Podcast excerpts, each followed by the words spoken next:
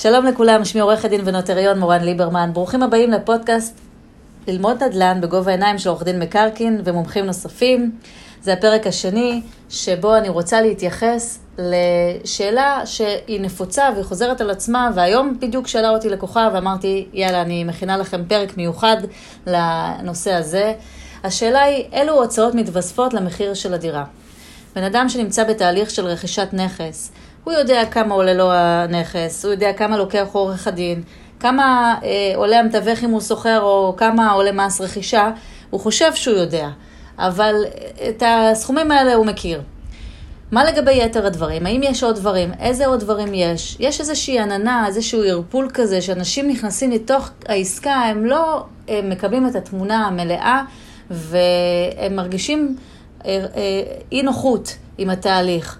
ואני רוצה לתת לכם, לשפוך קצת אור בנושא הזה, כדי שכאשר תהיו בדרך אה, לתוך עסקת חייכם ורכישה של נכס, אתם תהיו קצת יותר מפוקחים ויודעים, תיכנסו בעיניים פקוחות לתוך התהליך ותדעו כמה כסף אתם צריכים להוסיף ולהכניס, להעמיד בצד. אז אני רוצה להתחיל בדוגמה שהיא לאו דווקא מובנת מאליה, ואני מתייחסת עכשיו להסכם של רכישת אה, דירה מקבלן.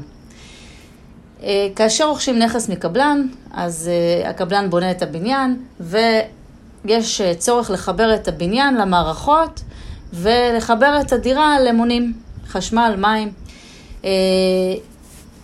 יש קבלנים, ואני נתקלתי בכזה מצב, שבהסכם כתוב שהוצאות חיבור הבניין והדירה למונים חלה על הקונה.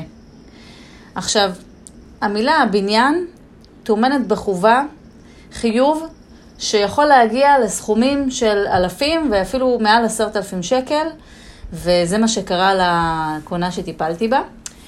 אז בהסכם היה רשום אה, אה, הוצאות חיבור הבניין והדירה, ואני פניתי לעורך דין של היזם וביקשתי למחוק את המילה הבניין. והוא הסכים.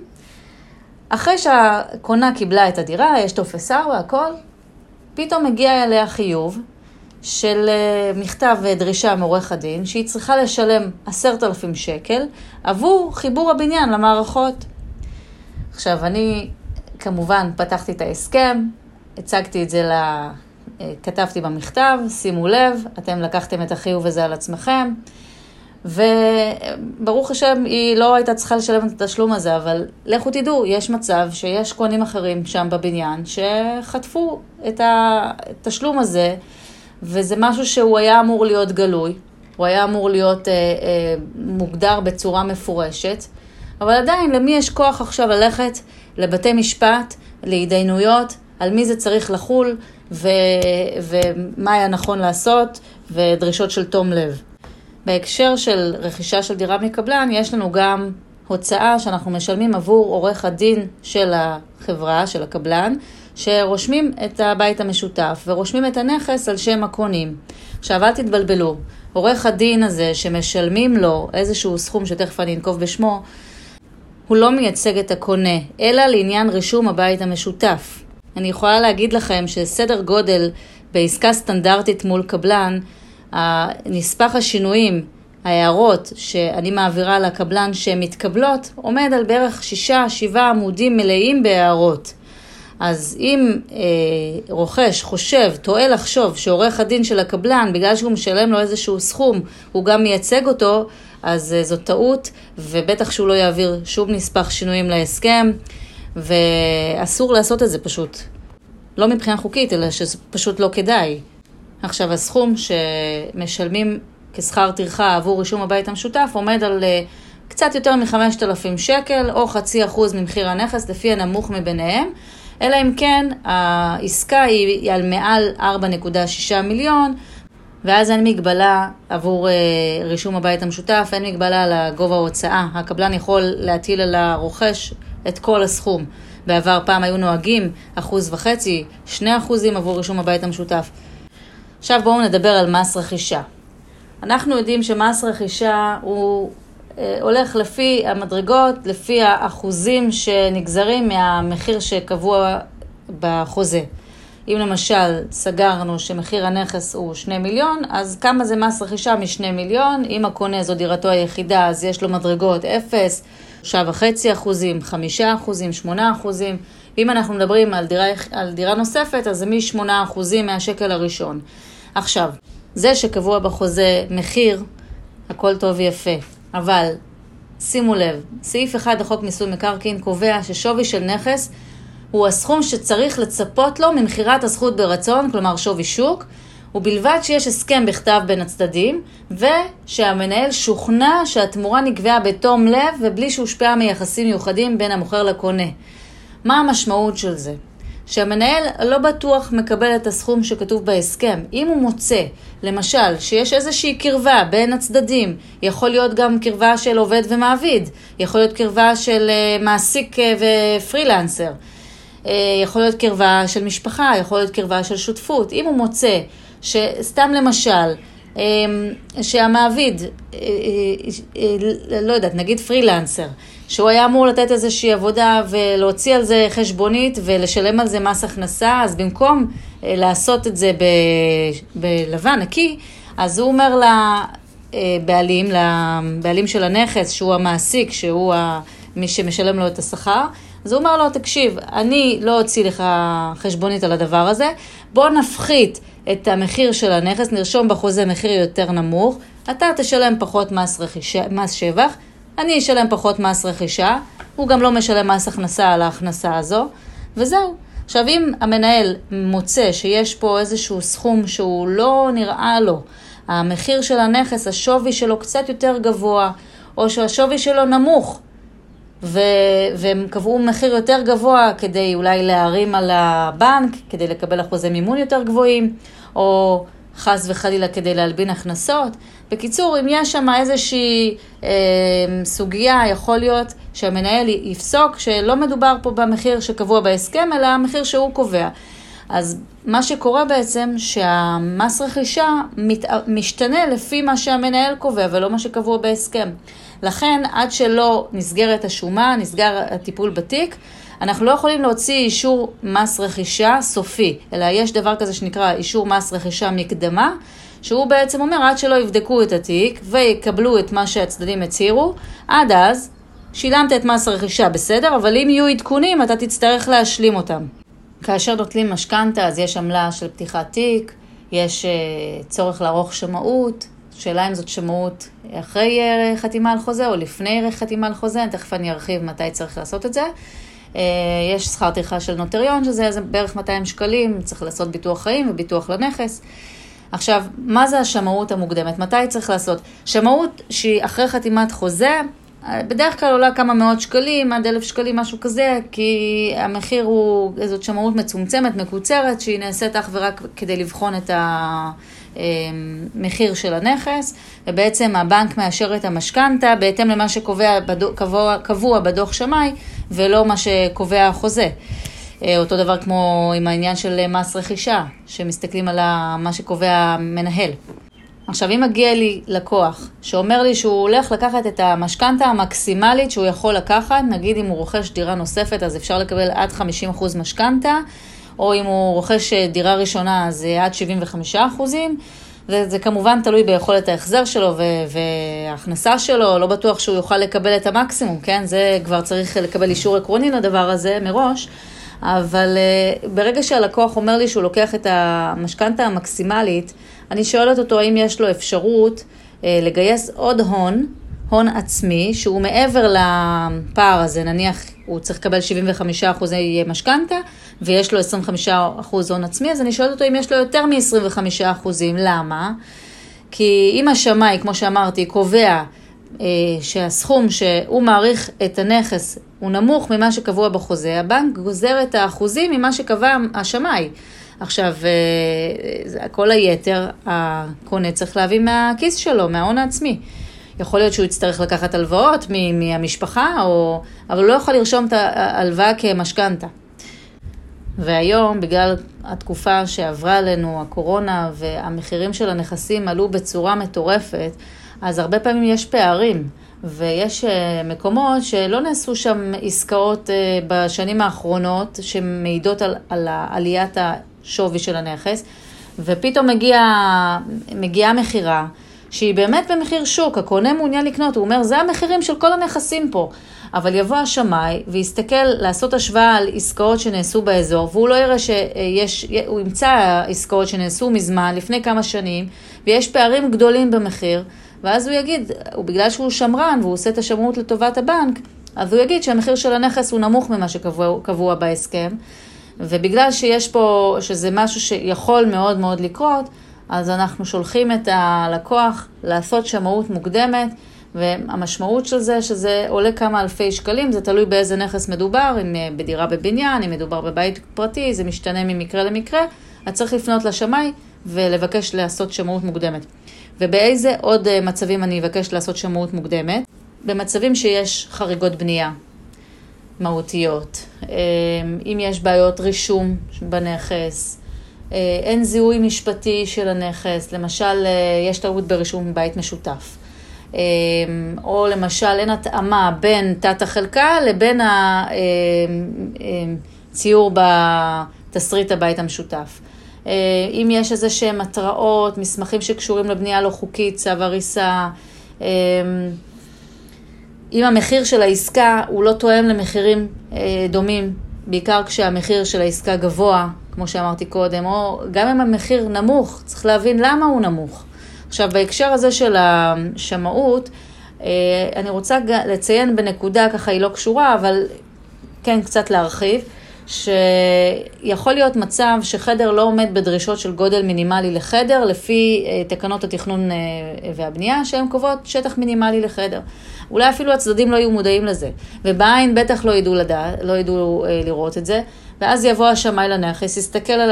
על החדר, יגיד, אוקיי, זה חדר קטן, בואו נבדוק אותו, ובפועל הוא מוצא שהשטח שלו הוא פחות מהגודל המינימלי, ואז הוא קובע שלא מדובר בחדר, אלא בחצי חדר.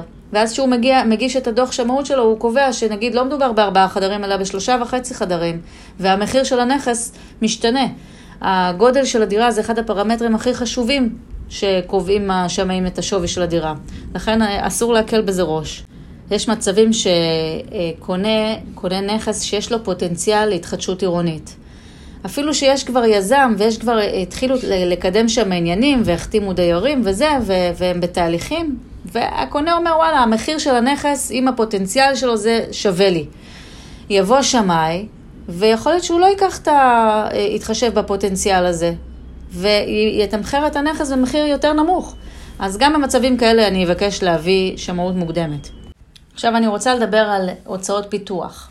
הוצאות פיתוח זה היטלים, יש כל מיני היטלי פיתוח, כמו למשל היטל טיול, היטל ביוב, היטל בסלילה וכולי.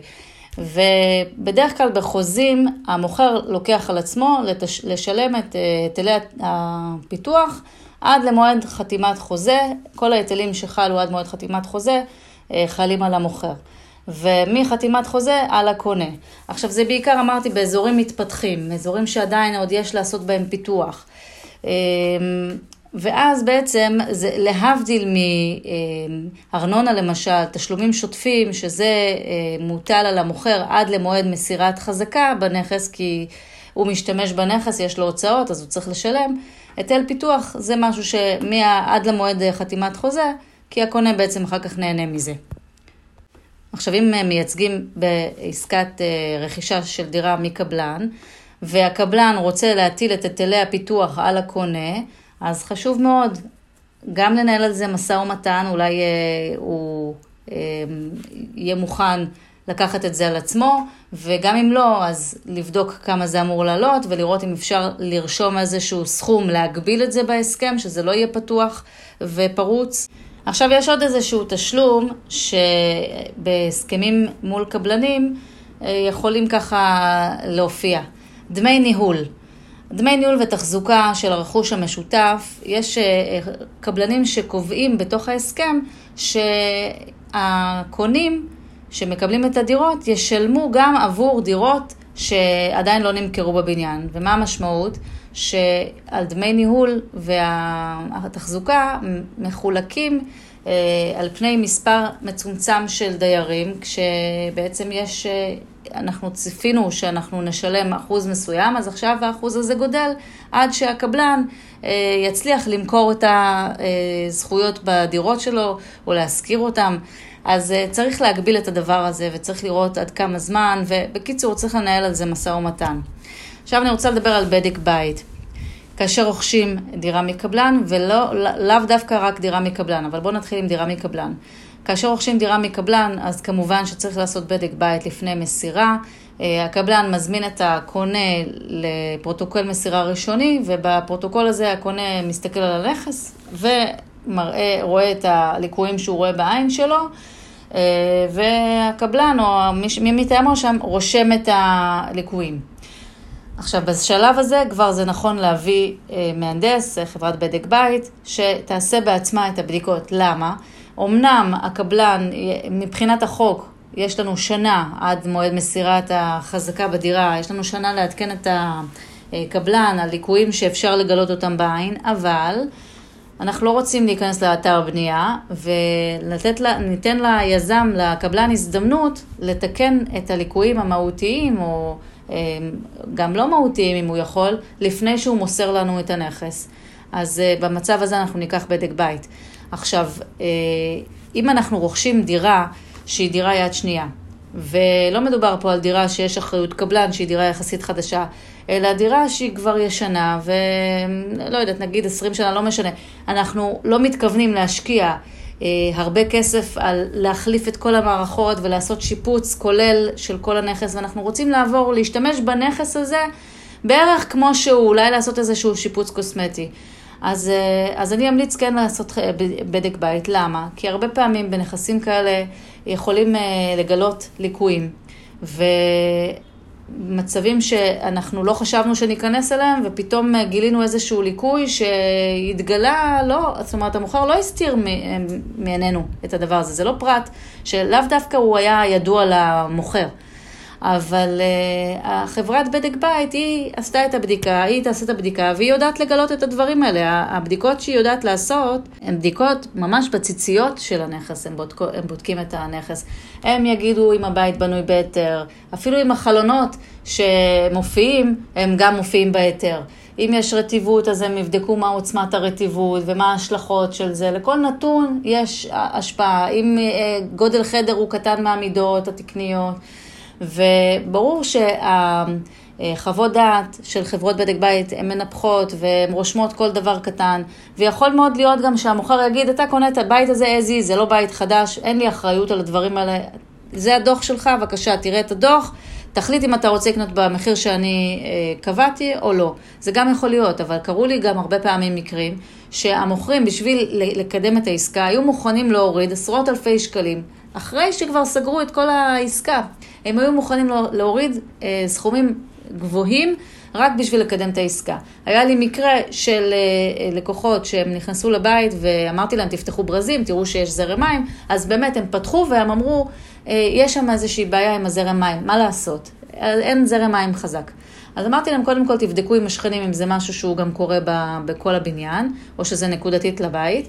ודבר שני, תזמינו לכם אה, אה, מומחה, אינסטלטור, מישהו שמומחה לאינסטלציה. אז באמת זה מה שהם עשו, מסתבר שגם לשכנה יש זרם מים חלש, והגיע האינסטלטור ואמר, עד שאני לא פותח את הריצוף ובודק את הצנרת, אני לא יכול להגיד לכם, אה, לתת לכם הצעת מחיר ואיזה עבודה אני צריך לעשות, כי אני לא יודע אם זה משהו נקודתי או שזה משהו שהוא מערכתי, ואני צריך להחליף עכשיו את כל הצנרת, את כל הצנרת בבניין כי היא מתפוררת, וזה עניין של עשרות אלפי שקלים. אז uh, המוכרים היו מוכנים להפחית 20 אלף שקל מהמחיר של, הדיר, של הדירה רק בשביל שהקונים uh, יתקדמו, אבל הקונים לא רצו לקנות חתול בשק והם החליטו לרדת מהעסקה. יש מצבים שאני אמליץ לקחת uh, בעל מקצוע מודד אה, כאשר רוכשים בית פרטי, אני רוצה שהמודד יבדוק את הגבולות של הנכס, יראה שאין חריגות, אין פלישות, יבדוק שיש התאמה של קו בניין, אה, שהנכס בנוי כמו שצריך. אה, ויועץ נוסף שצריך לשלם לו. יש מצבים שאני אמליץ לקחת אדריכל, או שהקונים בעצמם ייקחו אדריכל, בגלל שהם רוצים לבצע בנייה בנכס, או רוצים להכשיר חריגת בנייה בדיעבד. שזה תהליך שצריך אה, להיות מלווים עם אה, יועצים. אז אה, אני אמליץ לעשות את הבדיקות האלה לפני שחותמים על החוזה.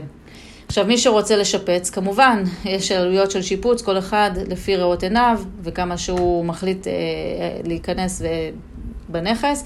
אה, אבל צריך לקחת בחשבון שמה שמעריכים, המומחים אומרים שצריך לשים בצד עוד איזה 15-20 אחוזים אקסטרה. כמובן שיש הוצאות של הובלה ביום של המעבר, צריך לקחת ימי חופש כדי לארגן וכדי אה, לעבור. ופרט אה, נוסף חשוב מאוד, שיש את מדד תשומות הבנייה כאשר רוכשים דירה מקבלן.